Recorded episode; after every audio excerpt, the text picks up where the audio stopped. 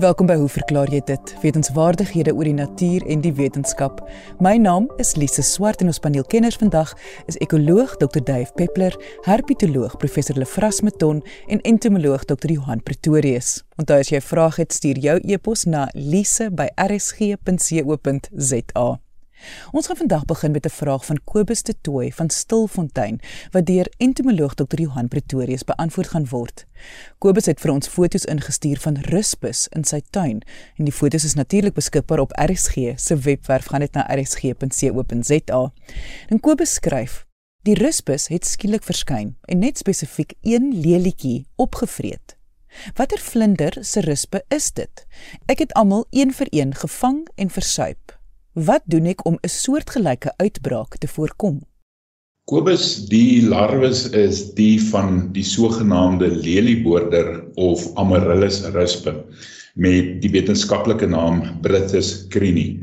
Nou, dit is 'n motspesie wat deel is van die groot motfamilie Noctuidae, algemeen bekend as die uilmotte. Nou Lisa net om die luisteraars 'n idee te gee van hoe Kobus se slagoffers lyk. Dit is redelike groot larwes of ruspus en alles opsigtelik gekleurd met afwisselende geel en swart bande oor die hele lyf en met 'n oranje kopkapsule. Soos ek al op 'n vorige geleentheid genoem het, is hierdie helder kontrasterende kleure die sogenaamde aposomatiese kleure 'n goeie aanduiding dat jy moontlik met iets giftigs of gevaarlik te doen het. 'n Duidelike boodskap aan predatore om maar eerder weg te bly. Maar kom ons kyk eers gou na die volwasse lelieboordermot. Hulle het 'n vlerkspan van so 'n omgewing van 40 mm en die grootste gedeelte van die liggaam is 'n diep donkerbruin, amper swart kleur met slegs die rande van die voorvlerke wat 'n bietjie ligter bruin is. As mens die voorvlerke sou oplig, sal jy sien dat die agtervlerke witterig van kleur is en die pote het sulke swart en wit bande. Dit lyk amper of hulle kouse dra. Hierdie motte het 'n baie wye verspreidingsgebied wat strek oor verskeie kontinente en lande. Mens vind hom vanaf die westelike gedeelte van Europa suidwaarts tot hier in Suid-Afrika en ook vanaf Japan weswaarts tot in Indië en selfs in Australië. Die wyfiemotte deponeer hul eierpakkies van so 'n paar dosyn eiers op die onderste dele van blare van die larwe se gasheerplante wat ongelukkig vir ons plante in die Amaryllis of Narsin lelie familie is. Hierdie is hoofsaaklik meerjarige blombolplante in die familie Amaryllidaceae wat klomp soorte insluit wat vir hul uitsonderlike blomprag in tuine aangeplant word. Die larwetjies wat uit die eiers broei, boor dan in die blare van hul voedselplante in waar hulle dan gesamentlik voed, maar hulle kan later selfs afbeweeg na die bolle of na die rhizome by daardie spesies wat nie bolle vorm nie soos by die boslelies of clivias waar al dan net verdere skade veroorsaak en wat ook tot sekondêre infeksies deur patogene lei. Die klein versteekte larwes is natuurlik moeilik om raak te sien as jy nie spesifiek na hulle soek nie. Maar soos die larwes se vel en grootte raak, sal ekstern of op die buitekant van die blaaroppervlaktes begin voed en dit is dikwels wanneer mense al vir die eerste keer raak sien. Wanneer die ruspus gereed is vir pipering, teen daardie tyd is hulle so in die omgewing van 40 mm lank, sal hulle terug na die basis van die bolle tonnel en dan in die omliggende grond papies vorm. En so 'n groep ruspus kan in 'n betreklike kort tydperk, binne 'n paar dae selfs, groot skade veroorsaak en talle blare vernietig, selfs die hele plant.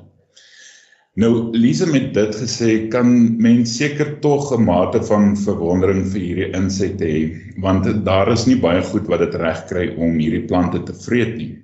En die rede daarvoor is die absolute arsenaal van sekondêre metabooliese produkte in die vorm van verskeie alkaloïdes wat deur hierdie plante vervaardig word en wat se doel is om herbivore af te weer. Die lelieboorder larwes gebruik hierdie alkaloïdes egter tot hul eie voordeel deur dit tydens voeding op te neem wat hul dan op hul beurt weer onsmaaklik maak vir insekpredatore. Dit is 'n voorbeeld van die sogenaamde wapenwedloop tussen plante en plantvoeders waar plante verdedigingsmeganismes teen hul herbivore ontwikkel terwyl sommige herbivore dan met verloop van tyd weer 'n manier ontwikkel om hierdie meganismes te oorkom. So Kobus dit verduidelik dan die waarskuwingskleure by lelieboorder larwes en hierdie boodskap dat hulle giftig is word verder versterk as hulle so in groepe saamvreet. Kobus wil ook weet ehm um, wat hy kan doen om soortgelyke infestasies te voorkom. Nou sonder om die plante en motte totaal en al van mekaar te isoleer, sal daar maar altyd die waarskynlikheid of moontlikheid van infestasie wees. Daar is egter 'n paar opsies wat oorweeg kan word en 'n kombinasie van hierdie metodes sal seker die beste resultate lewer.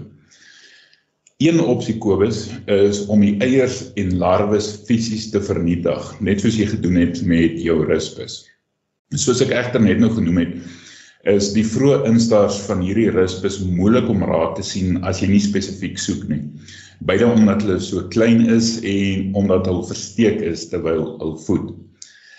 Dit sal egter 'n goeie idee wees om in die gewoonte te kom om jou amaryllis, clivias en ander bolplante gereeld te inspekteer vir eierpakkies en voedingsskade.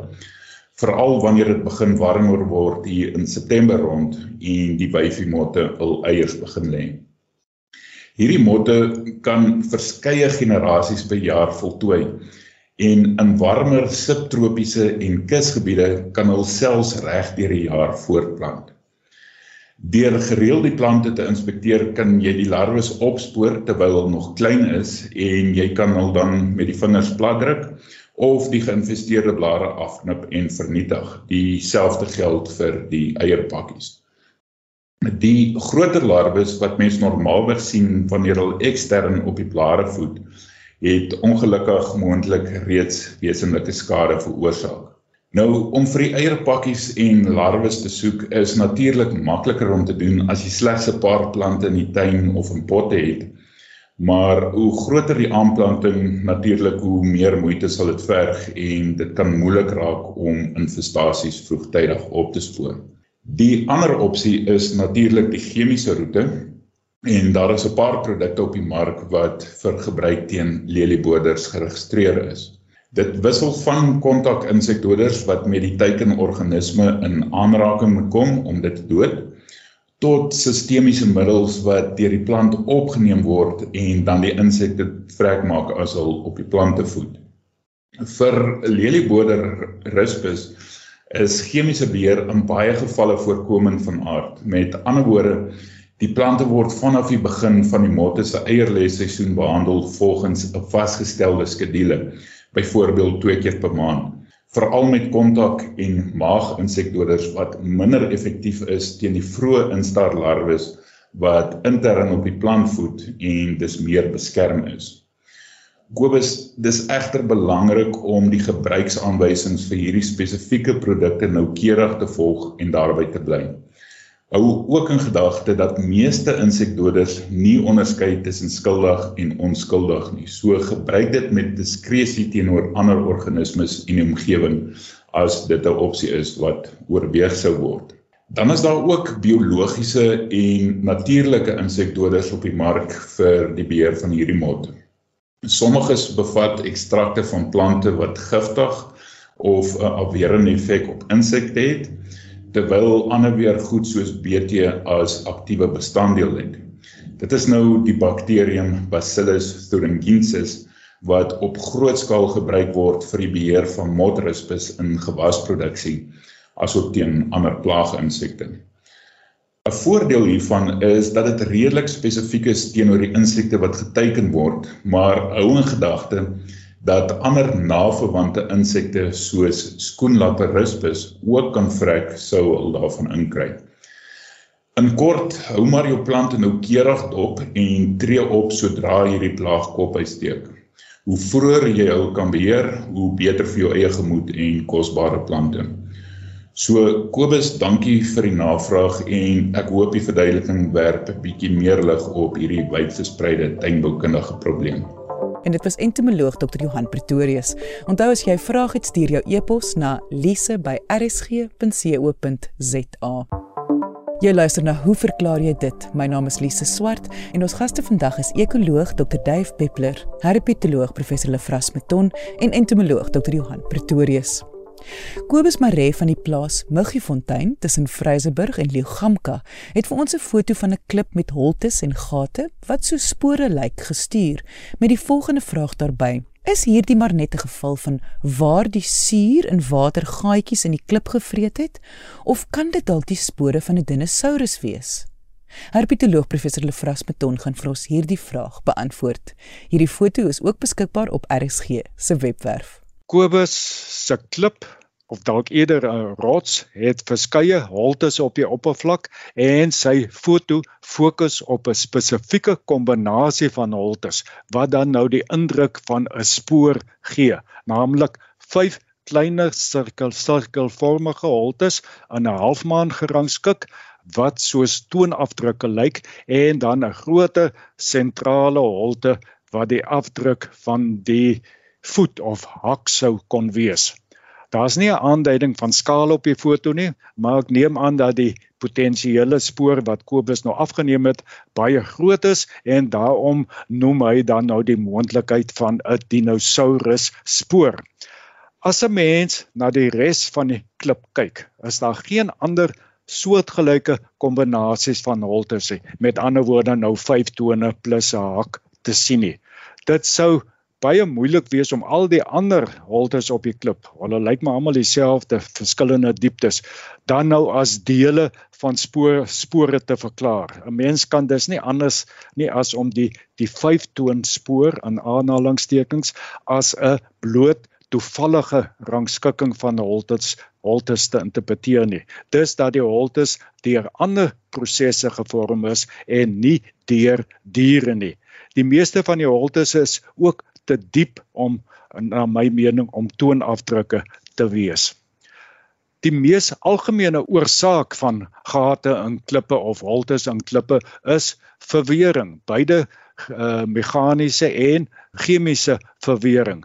Sedimentêre gesteentes is mos nou nie noodwendig eenvormig is eenvormig in samestelling nie en die sagter kolle kan dus uh, verweer of vinniger verweer en dan nou tot 'n magdom van oppervlak verskynsels aanleiding gee. Kobus in Suid-Afrika is dinosaurus fossiele slegs bekend uit die Stormberg groep. Dit wil sê meer na die ooste van die land. Oos-Kaap, Vrystaat, Lesotho, uh, KwaZulu-Natal.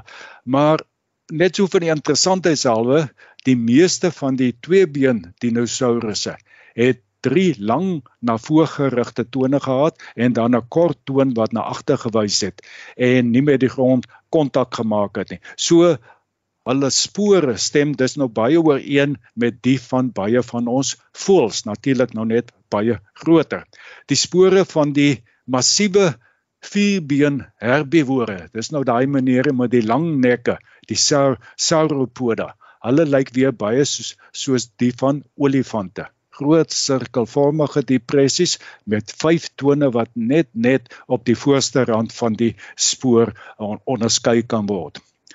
Alhoewel daar nou nie dinosourusse in die Vryseburg omgewing gelewe het nie, was die omgewing 'n mekka vir soogdieragtige reptiele. Dis nou daardie groep uitgestorwe diere wat uiteindelik aan soogdiere oorsprong gegee het. Daar was natuurlik ook 'n hele paar ander diere nog uh, wat bietjie ouer is as die soogdieragtige reptiele. 'n Baie bekende spoor geïdentifiseer as die van Bradysaurus wat meer as uh, 250 miljoen jaar oud is uh, is juis dan nou daar in die Vryseburg omgewing op die plaas Gansfontein gevind. Nou dit is een van hierdie soogdieragtige reptiele se spoor. Uh ek dink Kobus sal dit interessant vind dat vyf tone aan 'n voet of seker nou hand kan mens ook sê die basiese toestand by hierdie vroeë diere was, die soortdieragtige reptiele. Die fossiele voetspore van hierdie reptiele wat ek kon opspoor, wys baie duidelik vyf tone kan lank wees of kort wees aan die voorhand van soms 'n relatiewe groot of breë voet uh, afdruk uh, maar daar's geweldige vari variasie. En natuurlik daar is ook soos ek sê van die ander uh, vroeë diere wat se spore ook daar gevind word. So in elk geval by al hierdie diere kan mens baie duidelik die die tone sien en dan die die voet afdruk. Amper uh, soos wat hy daar op hierdie potensiële spoor uh, wat nou nie 'n spoor is nie gesien het. So ek sou dink dat Kobus moet tog moeite doen om bietjie daai plek by Gansfontein die plaas uh, te gaan besoek uh, volgens uh, Dr Yuri van der Heever. Ek het nou met hom gesels ook. Hy sê daar's nou nog nuwe verdere spore daar ontdek en dit sal die moeite werd wees om bietjie daar te gaan kyk. Maar ek hoop van ganse harte dat Kobus sommer binnekort ook 'n spoor of twee daar op sy plaas sal vind en hy moet veral uh, kyk uh, in daar waar daar moddersteen is want dit is waar mense gewoonlik die fossiele spore kry. En dit was herpetoloog professor Lefras Meton. Ons laaste vraag kom van Hugo Knoetse. Hy vertel vir ons hoe goed sy sonoond in Durban wil funksioneer. Dr Dave Peppler gaan vir ons meer vertel oor die waarde van sonenergie wanneer dit kom by kos gaar maak, bak en braai. 'n Mens hoef nie veel van fisika te weet om die verstommende gratis hittebron van die son te verstaan nie.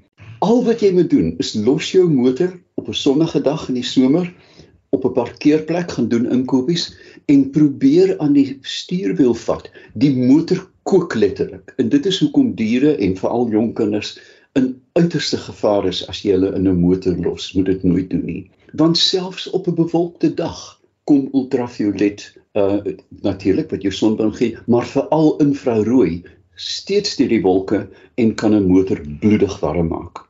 Die tweede aspek wat 'n mens baie gou verstaan, is dat jy nie 'n groot oppervlakte nodig het om hierdie effektiewe sonkrag te onderskep nie. Jy het 'n klein bietjie so groot soos 'n sambreel gaan vir jou 'n middagete kook. Kom ons kyk weer na Appington. Ry na Appington, vlieg na Appington en 'n 100 km voor jy daar aankom, hang daar hierdie byna buitewêreldse brandende oog in die lug. Dis 'n sonplaas wat krag opwek. Nou kyk ons na die uitset hierdie klein kolletjie in die landskap produseer 50 megawatt krag elke dag uit uit 'n voetspoor van 58 hektaar. Dit beteken Lise dat indien jy die hele Appington dorp 'n sonplaas sou maak, byvoorbeeld, dat jy letterlik die hele Noord-Kaap aan sonkrag sou kon voorsien ek ek dink nie ons het naaste by 'n idee van hoeveel gratis son uh, energie daagliks op ons neer reën nie. Dink aan jou huis as jou huis in die somer toestaan sonder verkoeling word dit bloedig warm. En juis hierdie aspek van 'n geslote houer, die huis waarin wind nie beweeg om die hitte uh, te versprei nie, is eintlik die basis van sonstowwe. Nou die eienskappe daarvan, dis apparate wat direkte vol spektrum sonkrag onderskep en dit konsentreer. Met ander woorde, die hele sigbare band, die ultraviolet band plus die infrarooi band, die hele katoeter, die hele bondel energie word dan gekonsentreer sodat 'n mens voedsel kan droog kook of steriliseer. Nou, hoe vergelyk dit met 'n klassieke stoof? 'n Gasstoof, elektries, induksie. Gewoonlik um, moet 'n mens 'n bietjie langer neem om met sonkrag te kook. Daar is apparate wat bloedig warm is, maar byvoorbeeld soos met potjie kos sny jy die die groente 'n effens kleiner aardappels word in vuur in plaas van heel gekook en dit word eh, gelaai mettertyd sodat alles soos in 'n goeie potjie kos gelyk gaar kom. Die oriëntasie van hierdie stoof is natuurlik ontsaglik belangrik want indien jou stoof met sy rug na die son staan, gaan daar natuurlik niks gebeur nie. Maar kom ons kyk nou 'n bietjie wat 'n mens kan doen. Met ander woorde, jy kan jou sonstoof mik na die son of as jy 'n bedrewe kok is, verstaan jy die traject, die paraboliese traject van die son en dan mik jy jou stoof sodat hy maksimaal kook teen die einde van die dis. Met ander woorde, daar's 'n stadige aanloop en dan die maksimale sonkrag word dan onderskep as jou dis byna klaar is. Soos by prutpotte brand sonkokers gewoonlik nie maklik kos aan nie. Daar is van hulle, veral die parabole en ons gaan daarby uitkom wat bloedig warm word. Maar dis eintlik 'n buitelug goeie sonligdag prutpot. Die ontwerpe van hierdie stowwe kan ontsaglik eenvoudig wees. Jy kan dit letterlik maak, gaan kyk op die internet van 'n sterk kartondoos en aluminiumfolie. Jy hoef nie 'n ding van duisende rande te koop nie. In jou agterplaas kan jy self vir jou 'n sonkoker aan mekaar timmer. Dan het ons natuurlik die klassieke parabole, met ander woorde die omgekeerde sambreel. Die nadeel van hierdie is dat hulle baie groot is gewoonlik. Met ander woorde, dis 'n opsiglike ding wat in jou tuin of stoep staan. Um en dat hulle redelik windsensitief is. Nou, as jy hom nie goed anker nie en daar's 'n sterk suidooster, dan gaan hy met potjie in al 'n bietjie rondskuif en nie optimaal kook nie. Nou, dan het ons paraboliese troe, dink aan 'n geut van jou dak wat jy met aluminiumfolie uitvoer en dan het jy 'n lang worsbraaier. Met ander woorde die son word dan gekonsentreer lineêr in 'n langer groef en daar kan jy dan ook 'n vakuumbuis insit. Jy weet die nuutste sonverhitters vir water op die dak het hierdie blink vakuumbuise en dan kan jy ontsaglike hoë temperature bereik, maar jou jou kos is 'n bietjie uitgerek. Ehm um, dis nie soos in 'n ronde pot nie. Kom ons beskou die voor- en nadele van hierdie tegniek. Paraboliese reflektors wat ek van gepraat het, die sambreelvorm, kan jy glo kan byna tot 300 grade Celsius bereik. Met ander woorde, jy kan letterlik vleis daarin braai en jy kan brood bak. Ek doen dit al jare. Dan is daar die standaard, die die ehm um, kartondoosvormige uh, stowwe met 'n deksel wat kantel om die sonlig so te um, konsentreer. Hulle kan tot letterlik 165 grade uh, Celsius bereik. Um die voordele is dan natuurlik ook dat met hierdie twee tipes jy byna enige kos kan klaarmaak. Dit is ooglopend en duidelik dat jy geen brandstof gebruik nie. Um en dit sal jou koolstofvoetspoor dramaties verlaag. Dink 'n bietjie daaraan as jy 'n elektriese stoof het met beurtkrag en hier soos alweer by Eskom dat jy op meeste dae, ek praat nie van 'n 5 dae reën nie, kan jy uh, met met 'n bietjie moeite kan jy jou kos gaar kry sonder om enige ander vorm van energie te gebruik. Nou die nadele natuurlik is bewolk as dit reën, letterlik stort reën, gaan jy nie 'n malva lekker warm maak in jou stoof nie. Indien dit net bewolk is, sal jy verbaas wees dat daar nog hitte deurkom, maar wolke en baie hoë windspoed belemmer hierdie apparate. Ek dink ons besef nie aldag Lise die absolute oorvloed aan sonenergie wat ons in hierdie land het. Die, ons het 'n oorvloed. Weet jy dat Marokko gaan nou die grootste uitvoerder van songegenereerde elektriese krag aan Europa word. Hulle gaan kabels deur Gibraltar lê. Hulle het 'n industrie in sonenergie wat vir niks skrik nie. Ons kan presies dieselfde in hierdie land doen met politieke wil met uh, dat ons mekaar oortuig dat dit die pad vorentoe is dat dit 'n beskaafde manier is om om jou kos gaar te maak met absoluut gratis son. Kry jy een van die hierdie apparate en betrek jou kinders. En kort voorlank vestig jy 'n bewaringskultuur in die middel van jou huis. En dit was ekoloog Dr. Dave Peppler. Ek sê baie dankie aan ons kenners en vraagstellers vandag. Onthou om altyd nuuskierig te bly en vra te vra. Tot volgende week hier op RSG saam met my Lise Swart. Totsiens.